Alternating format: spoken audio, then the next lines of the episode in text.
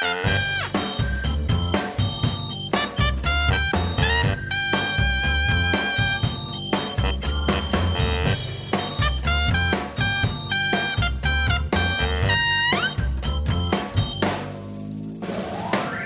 is tijd voor onze wekelijkse CIP-podcast met Dick en Jeffrey. Goeiedag, beste mensen. Ja, Dick. Ja, ja, ik dacht er is zo weinig gebeurd in het nieuws deze week. Dus dan moeten we maar gewoon algemeen beginnen. Ja, vind ik ook. Ja, Heel goed. vorige week hebben we een mooie introductie, eh, oude fragment gehad met uh, Thierry Baudet. Ja. Met eh, zijn speech. En ja, dat is nu allemaal gaan liggen. De storm is overgewaaid. Zo is dat. Ja, dan hou je weinig over. Ja, zeker. Ja. Maar, maar, gelukkig hebben we één vandaag nog. Onze collega's van één vandaag, die de abortuskliniek in Nederland zijn afgegaan en heel wat hebben geproduceerd, waar we over kunnen Ja. napraten. Want we gaan het namelijk hebben over eh, anti-abortusdemonstranten. Gedragen zij zich nou, misdragen zij zich nou wel of niet? En de reactie van minister De Jonge hierop. We gaan het ook hebben over Hugo Bos, onze vriend van Stichting Christiana.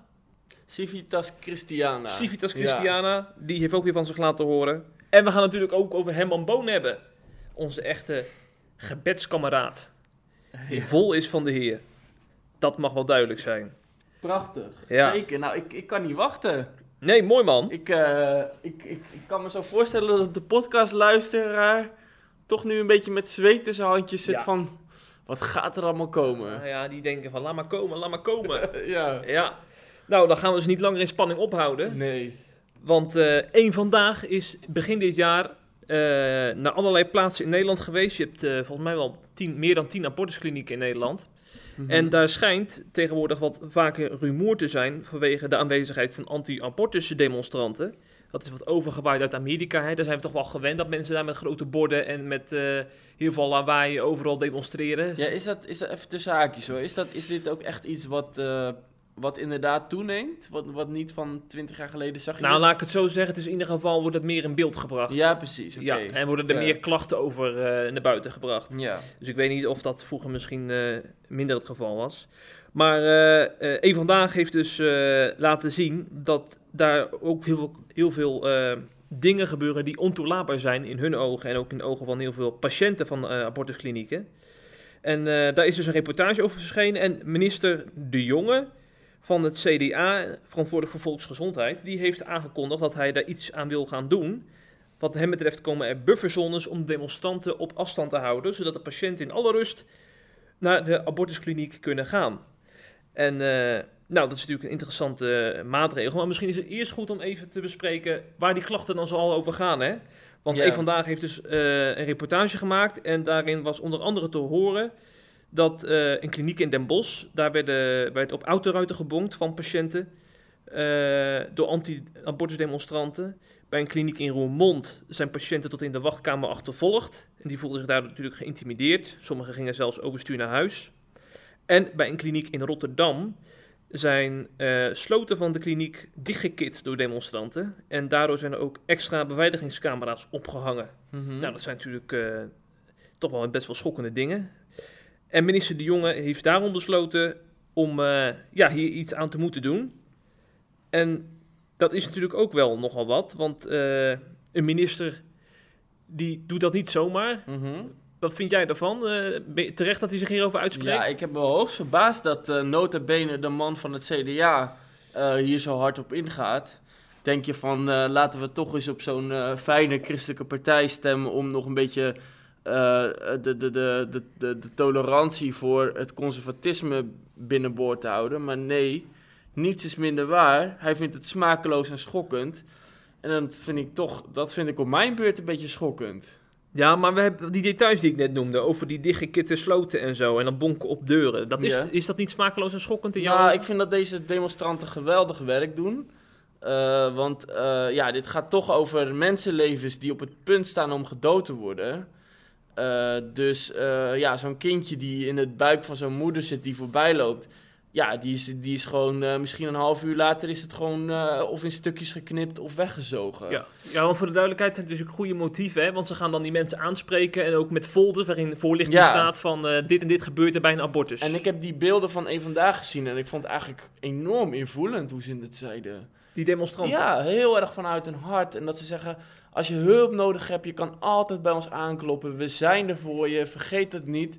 Eh, dus het waren helemaal, eh, het, het, het, het is best wel snel wordt het zo geframed, weet je. Als, eh, Ja, of is het een kwestie van een klein groepje die het voor de rest verpest? Want je hebt natuurlijk ook wat Ja, extremisten het- erbij zitten. ja, ik heb het op de beelden in ieder geval, wat ik toen zag, eh, dat vond ik gewoon eh, heel eh, liefdevol, zeg Ja, maar. maar die, die klachten die zijn wel echt bewezen, hè, waar we het over hebben. Ja, maar ja, aan de andere kant, ja, weet je, als wij niks doen, dan zijn we ook medeplichtig voor wat er gebeurt. Want het gebeurt wel allemaal op het moment dat, dat zoveel Nederlanders wegkijken. Hmm.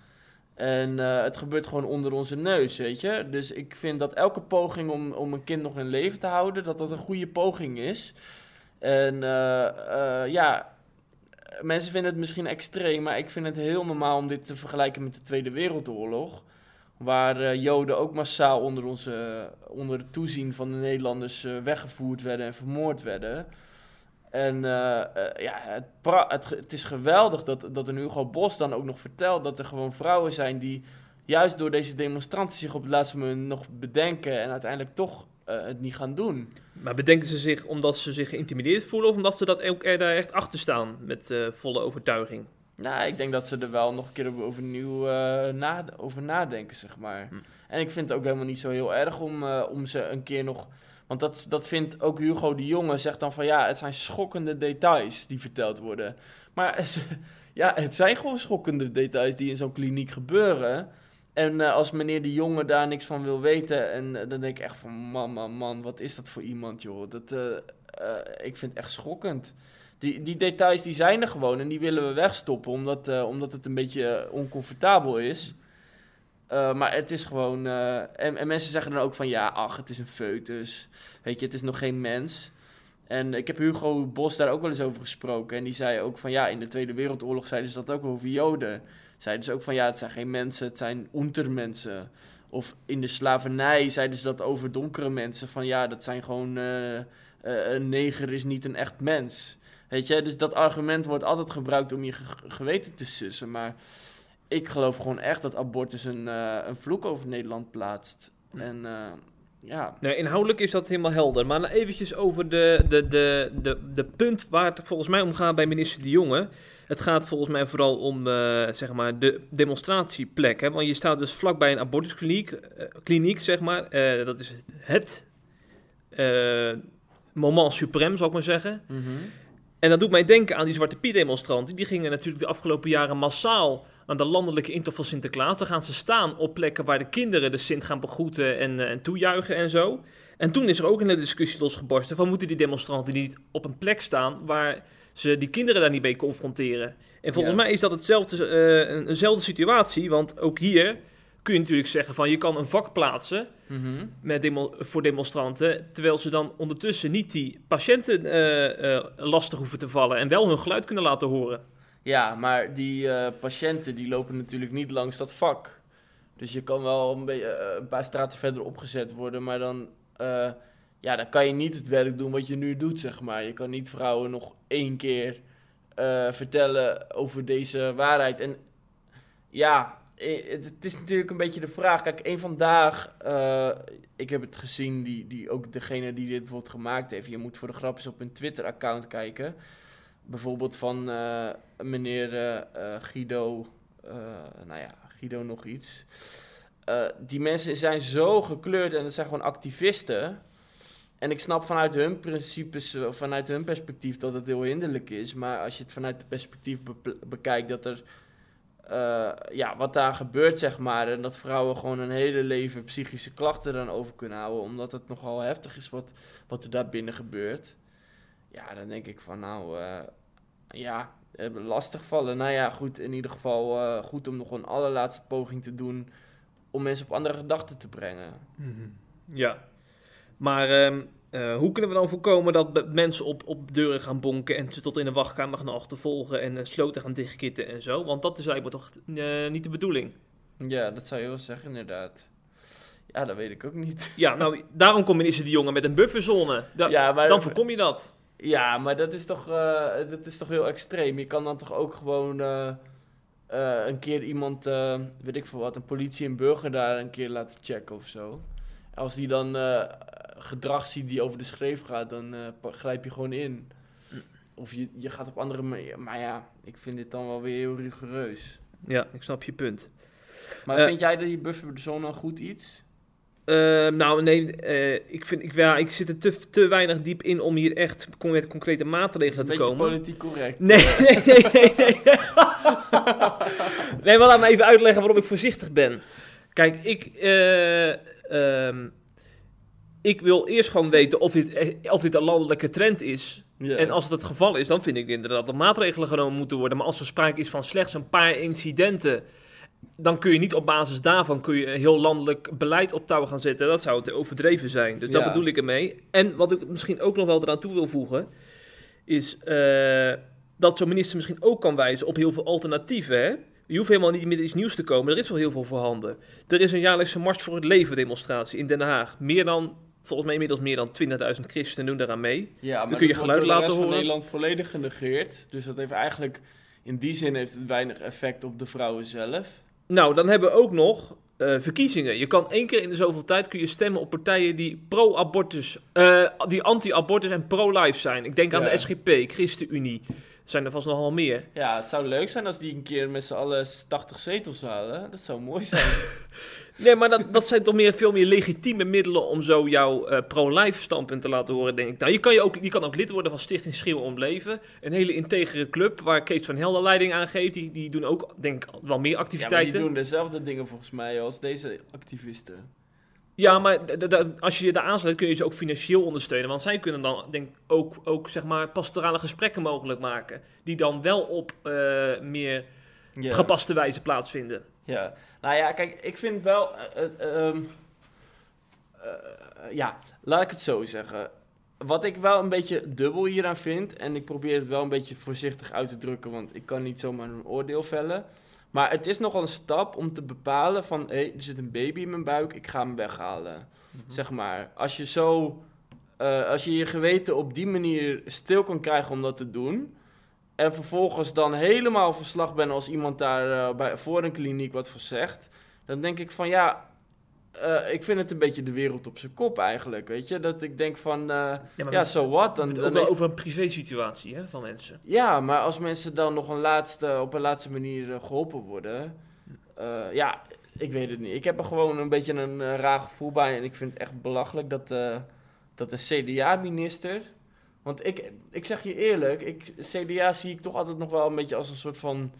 eh, ja, een partij met veel invloed, weet je. Je kan op die manier kan je nog wel eh, eh, een beetje christelijk Ja. beleid beschermen. Maar ja, als, als, het dit, als dit het geluid is, vind ik wel stom. Wie ook anti-abortus is, dat is Hugo Bos. De naam is al net gevallen. Dat is een pro-life activist namens Stichting Civitas Christiana dus. Ja. Die kennen we natuurlijk vooral van de anti-homo-campagne in het Reformatorisch Dagblad. Er is een paar jaar geleden heel veel ophef over geweest, omdat ze toen een flyer hebben verspreid eh, als bijlage in het RD, met een kruis door een homokoppel dat elkaar kust. En eh, zij zijn dus met al dat soort campagnes bezig, hè, op allerlei ethische terreinen, ook op ge- abortusgebied. Mhm. Dus zij ondersteunen ook die anti-abortus eh, demonstranten. En een vandaag vond het natuurlijk dan ook goed om even zijn geluid te laten horen. En zij zochten dan ook Hugo Bos op op zijn kantoor in Nijmegen. En toen gebeurde er iets bijzonders. We hebben denk ik allemaal de beelden wel gezien, hè Dick? Wij allebei Mhm. tenminste. Zeker.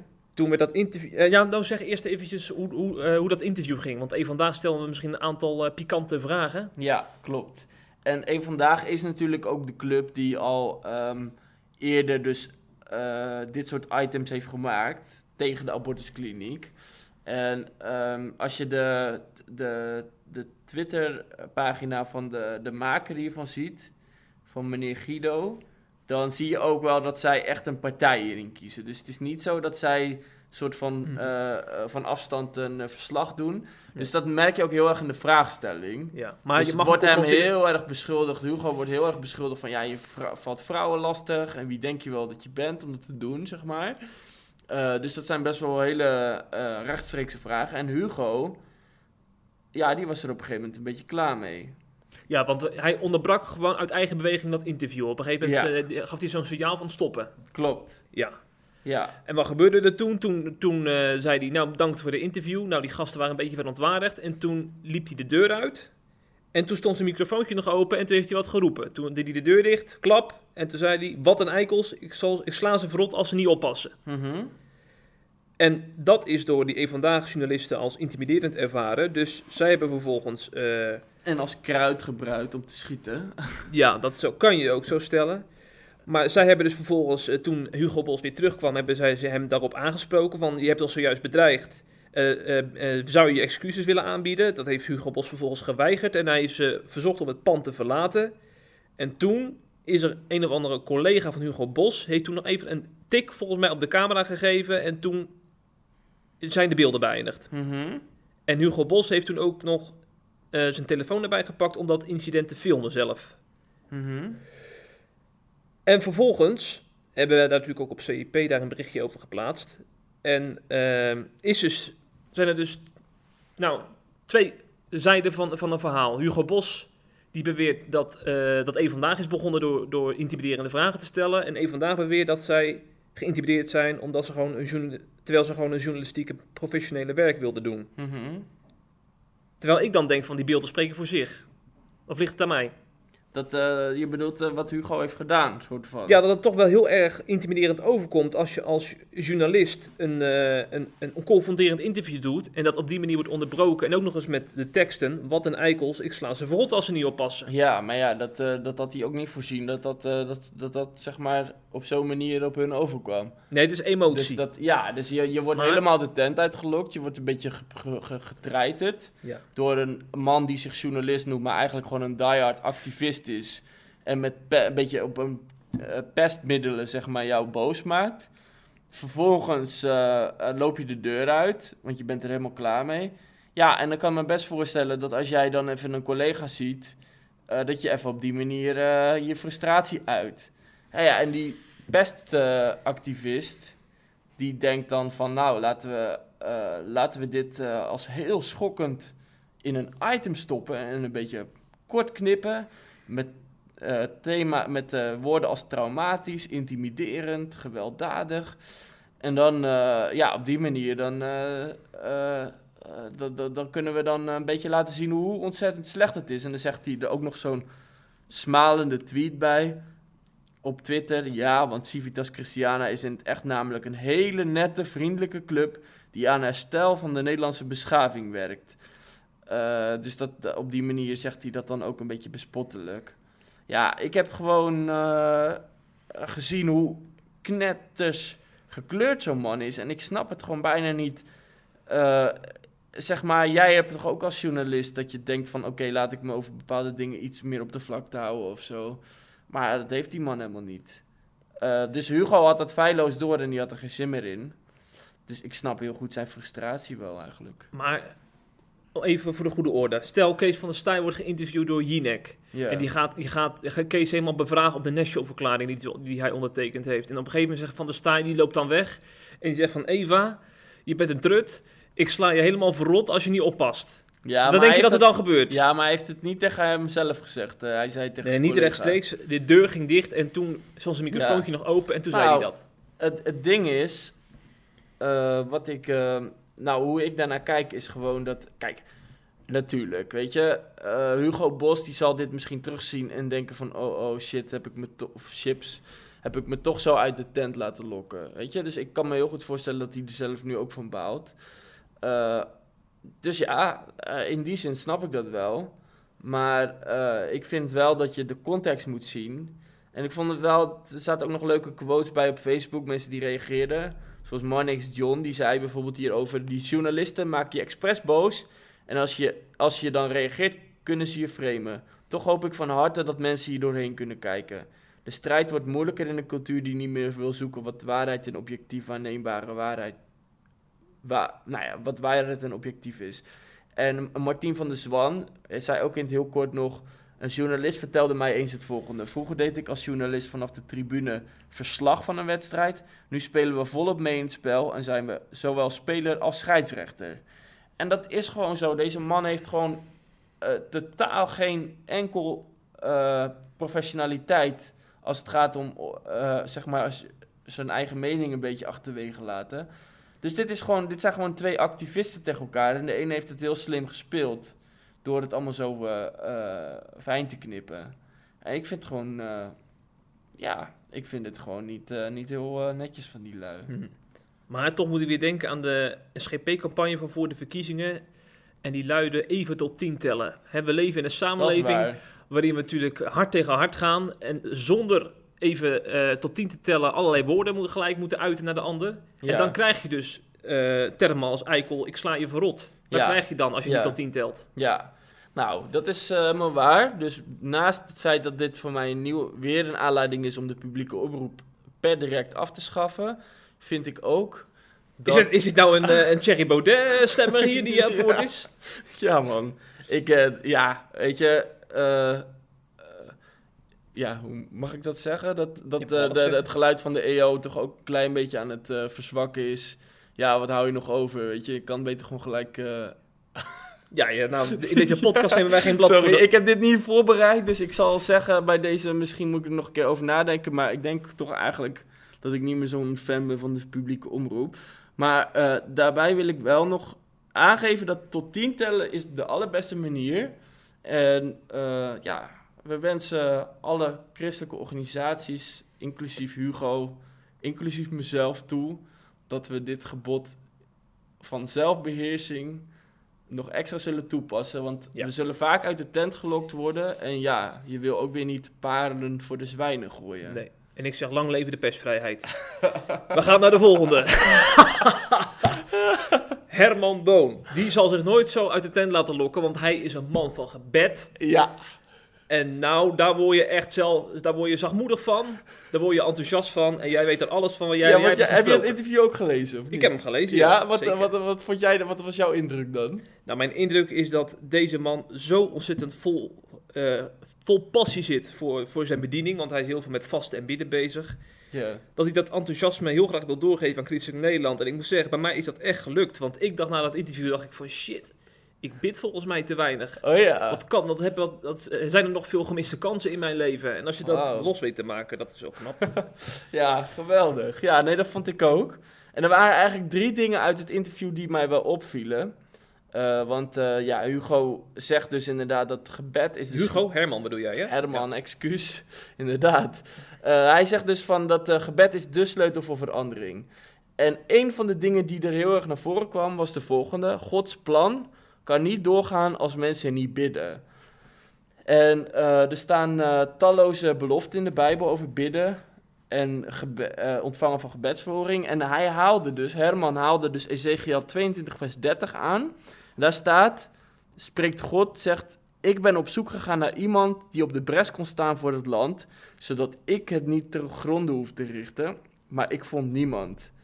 En Herman zei dus van hieraan zie je hoe God zich afhankelijk heeft gemaakt van onze gebeden. Hij zoekt voorbidders, maar helaas vond hij ze niet. Nou, en dit vind ik wel een heel belangrijk uh, uh, punt, want ik ben zelf heel erg opgegroeid uh, met het denkbeeld dat je kan bidden tot God.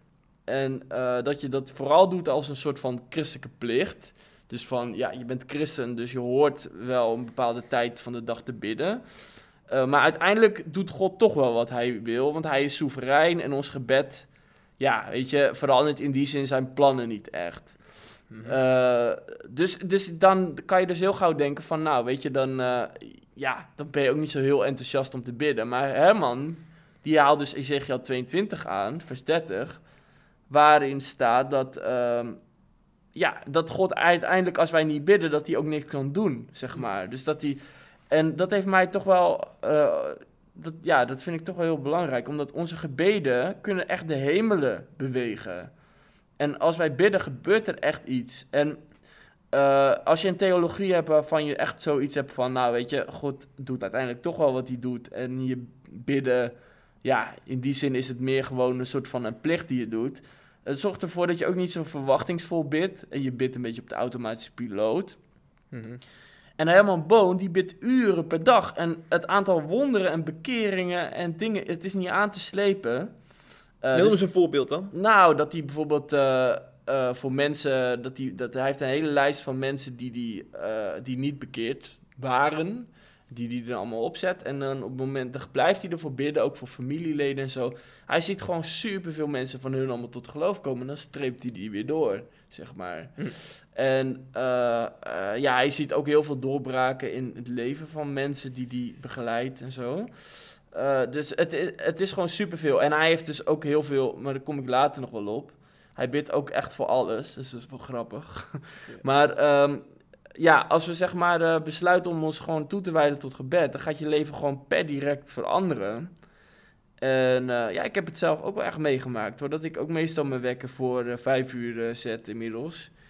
En ja, als ik gewoon zie hoe God echt met zijn aanwezigheid in mijn leven is en, en hoe dingen veranderd zijn, dan vind ik dat gewoon, ja, wel echt bijzonder, zeg maar. En um, even kijken hoor. Maar ja. is, het, is dat voor jou afhankelijk van het aantal uren dat je met in gebed doorbrengt? Want hierdoor kan natuurlijk wel de indruk ontstaan van als je net als Herman uren elke dag in gebed gaat, of gebeurt er veel meer dan wanneer je Nee, vijf minuten bidt? Nou ja, ik, ik persoonlijk denk ik dat in principe van wel. Dat het wel een groot verschil maakt of je vijf minuten bidt of een uur. Maar ja, het, je moet inderdaad ook niet het soort van als een wet, wettisch zien van uh, anders ben je geen goede christen of zo. Maar ja, het kan wel, uh, in, in positieve zin, kan, kan je wel bijna verslaafd raken aan tijd spenderen met God. Mm. En dat heb ik wel heel erg ervaren, omdat je gewoon, uh, uh, ja, Gods aanwezigheid, Gods liefde kan heel erg overweldigend zijn, zeg maar. Nee, maar ik ben even benieuwd, gewoon uit interesse. Ja? Als ik bid voor mijn zusje die bijvoorbeeld ziek is, ik noem maar wat. Ja. Dan kan ik dat gewoon in 30 seconden vragen aan God. Ja, precies. Maar hoe doe je dat dan in twee uur? Ik bedoel, Nou. op een gegeven moment beter uitgepraat ook. Nee, maar het is ook niet zo dat je twee uur lang alleen maar wensen op tafel legt. Dus het is gewoon dat je God zelf zoekt, weet je. Je zoekt zijn gezicht, zijn aangezicht, zeg maar. Dus je, je, je aanbidt hem. Je, je, je, je- God staat ook in de Bijbel van nader tot mij en ik zal tot jou naderen. Dus je nadert naar hem. Dus je bent in de eerste instantie gewoon alleen maar gericht op hemzelf, zeg maar. En ja, dan ga je, kan je ondertussen gewoon af en toe bidden voor eh, bepaalde onderwerpen, ja. inderdaad. ja. maar het is inderdaad ook niet zo dat ik eh, een uur lang over één onderwerp aan... Ja, soms kan je wel gewoon bidden voor een bepaald onderwerp en dan ben je er soort van echt voor aan het strijden, soort van. Dat kan wel. Eh, dus in die zin kan het soms ook wel wat langer duren dan, dan een minuut of vijf minuten. Maar inderdaad is het niet zo dat ik eh, dat je dat je voor eh, dat als je voor, als je zusje of zo dat je daar Hmm. een uur voor gaat bidden of zo. Nee, ik Kan snap- wel, maar- Nee, ik, ik snap nou eh, hoe dat ja, gaat. Ja. ja. maar dus uiteindelijk is zijn punt dus van God zoekt mensen die in gebed op de bres staan. En bijvoorbeeld waar we het net over hadden, misschien over abortuszaken, voor, voor de kerk, de gezondheid binnen de kerk, zielen die gewonnen worden of wat dan ook. En dat is dus het verhaal van Herman, dat als hij deze bidders niet kan vinden, dan kan hij ook niks doen. Eh, dus gebed is echt de sleutel. Als mensen zich, ja, als mensen toch in Nederland, bijvoorbeeld, als je heel veel moeite hebt om te bidden, eh, en Nederlanders bijvoorbeeld in de, in de kerk wordt heel weinig gebeden, dan kan God ook relatief weinig doen om dit land te veranderen. Dat is zijn punt. Eh, dus dat motiveert inderdaad om te bidden. En hij zegt dus ook, vond ik ook wel een hele eh, belangrijke, dat is eigenlijk ook mijn tweede punt wat ik eruit haalde. Hij zegt van, er zijn demonen actief, dus hij ziet dit ook heel geestelijk, die strijden tegen jouw gebed. Eh, dus je kan bijvoorbeeld gaan beginnen met bidden en precies op dat moment wordt je weer gebeld. Of je denkt van jezelf van ik ben niet echt een gebedspersoon, ik ben meer een praktisch iemand. Eh, maar Herman zegt, als, als de, dit soort gedachten, als je dat hebt, als je moeite hebt om te bidden, want het is ons allemaal opgedragen, besef dan ook dat het kan komen omdat er geestelijke strijd is. En hij zegt ook van, als letterlijk zei hij van daarom is er zoveel strijd om gebed. Het is het wapen dat de duivel wil roven. Je mag van de duivel preken luisteren, je mag zelfs evangeliseren. Maar als je gaat bidden, dan heeft hij pas echt een probleem. Want tegen gebed kan de duivel namelijk niets meer doen. Satan haat gebed. En ehm, nou ja, dat vond ik ook wel heel interessant. En ehm, nou, ik heb ook nog wel even heel kort nog als zijpaadje heb ik ook nog aan hem gevraagd van... eh, ja, je, je kan ook soort van een bepaalde druk opgelegd voelen nu. Van, oh, ik moet per se twee uur bidden. En eh, dat je een soort van bijna frustratie voor gaat opbouwen. Ja. Terwijl hij zegt van, eh, het is in eerste instantie heel belangrijk dat je weet dat je intens geliefd bent.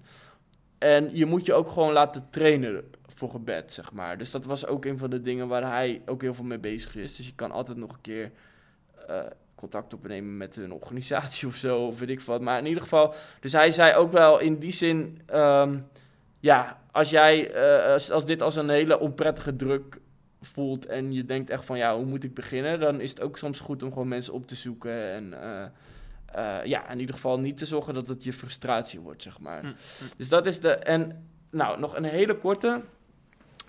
Want ik, een, de derde punt, wat ik er ook uithaalde, was dat hij van heb een kinderlijk geloof. En dat heeft hij heel erg, want hij bidt zelfs voor zijn kapotte afwasmachine. Of voor een eh, vrachtwagen met pech langs de weg. En hij ziet gewoon dat, hij, dat God ook zelfs die gebeden wil verhoren. En eh, ja, in eerste instantie denk ik, denk je toch een beetje als nuchtere Nederlander van ja, wie gaat er voor zijn afwasmachine bidden? Het klinkt een beetje, een beetje gek. Ja. Maar ja, eh, je kan ook weer eh, hieruit leren dat je God ook in een box kan stoppen. En dat je denkt van oké, ik kan hem wel bidden voor dit, maar een afwasmachine, dat, dat wil die niet. Terwijl God, eh, ja, weet je, waarom zou hij niet een afwasmachine kunnen aan de... ja, het, het- terwijl ik het zeg, klinkt het ook een beetje apart. Maar ik geloof op zich wel dat het kan en ik vond het wel leuk dat hij dat ook zo zei. Ja. Ik hoef nooit meer naar de IKEA. nee, Ik ga gewoon bidden. zo is dat. Dat gaan die kastjes vanzelf in elkaar worden gezet.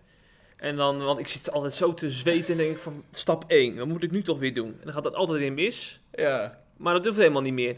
nou ja. ik, ik steek er een beetje de draad, de draad, Laat mee. helemaal het niet horen. Nee, maar de boodschap is duidelijk. Oké. Het is goed om als een kind in het geloof te staan. Ja. Ik zei het pas ook nog tegen mensen uit de kerk. Oh, Wij wel als volwassenen zijn zo druk met grote mensen zorgen. En kijk, die kids toch gewoon eh, simpel geloven. Ja, ik ben Ja. daar wel jaloers op, ja. ah, mooi. Ja, zeker. Ja, joh.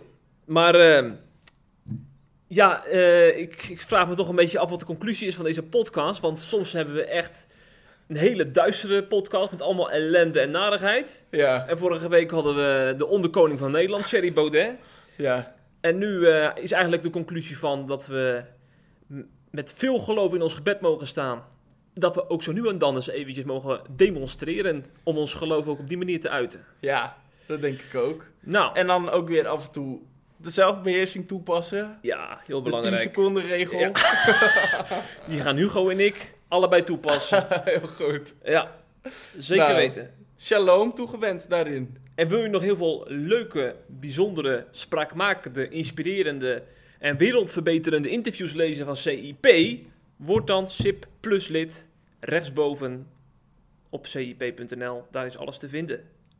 Eén muisklik verwijderd. Juist hey, Dikkie, tot volgende week, hè? Tot volgende week. Later. Doei, doei.